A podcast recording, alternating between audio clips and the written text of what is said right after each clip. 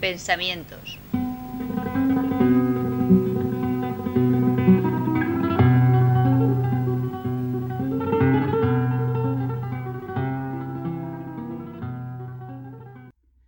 Década de los 60, siglo XX.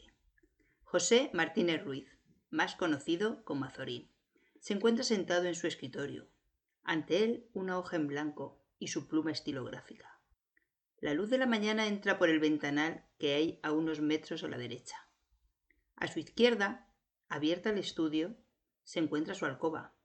Una cama, un armario, un perchero y poco más conforman el mobiliario de la misma.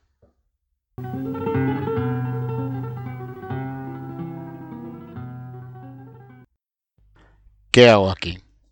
¿Cuánto hace que llegué de Madrid y subí la escalera para no bajarla? Pasan los días y me siento prisionero en mí mismo, encerrado en estas cuatro paredes por voluntad propia.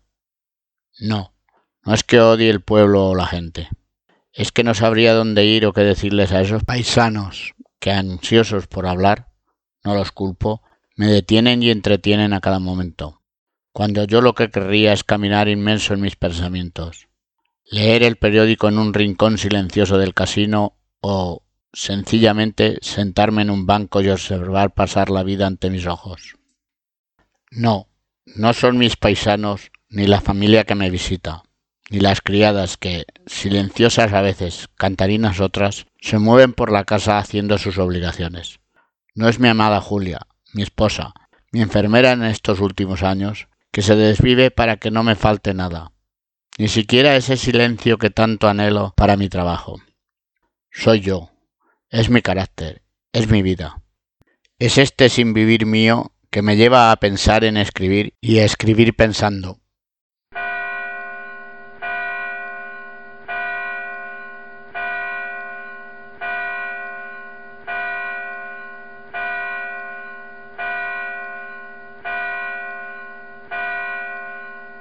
El Ángelus. Pronto llegará la hora de comer y se abrirá esa pequeña ventanita, y preso de mi propia prisión recibiré la comida. Apenas unas cucharadas, de las que me dejaré la mitad. Nunca he sido de comer en abundancia. Ahora todavía como menos.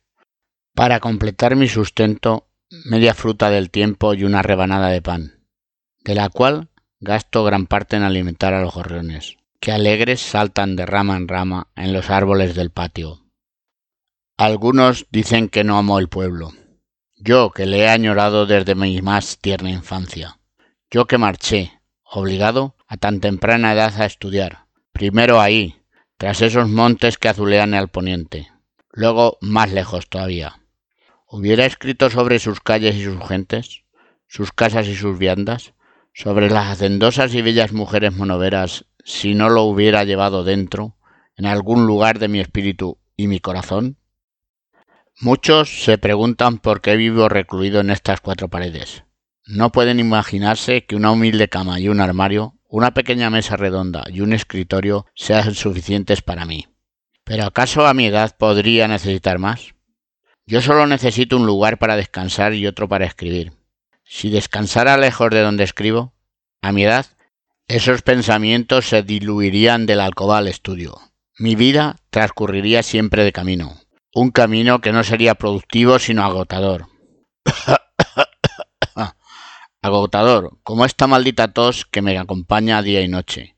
Presagio de una muerte que me viene pisando los talones, y que a pesar de mis esfuerzos porque no traspase las paredes de este, mi santuario, me ha impregnado la ropa que llevo puesta, y hasta la que hay guardada en el armario.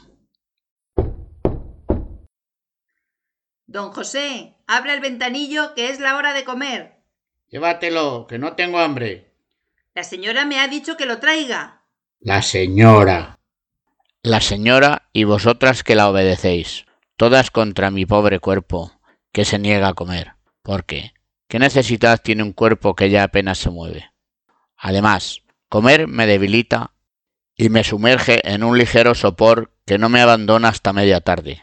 Y entonces habré perdido un hermoso tiempo, un tiempo que va gastando la arena de mi reloj sin posibilidad de girarlo al caer el último grano. Pero obedezcamos, obedezcamos, y que ese inexorable paso del tiempo acabe con este desasosiego que siento por leer todos los libros que tengo amontonados en los anaqueles de mi biblioteca.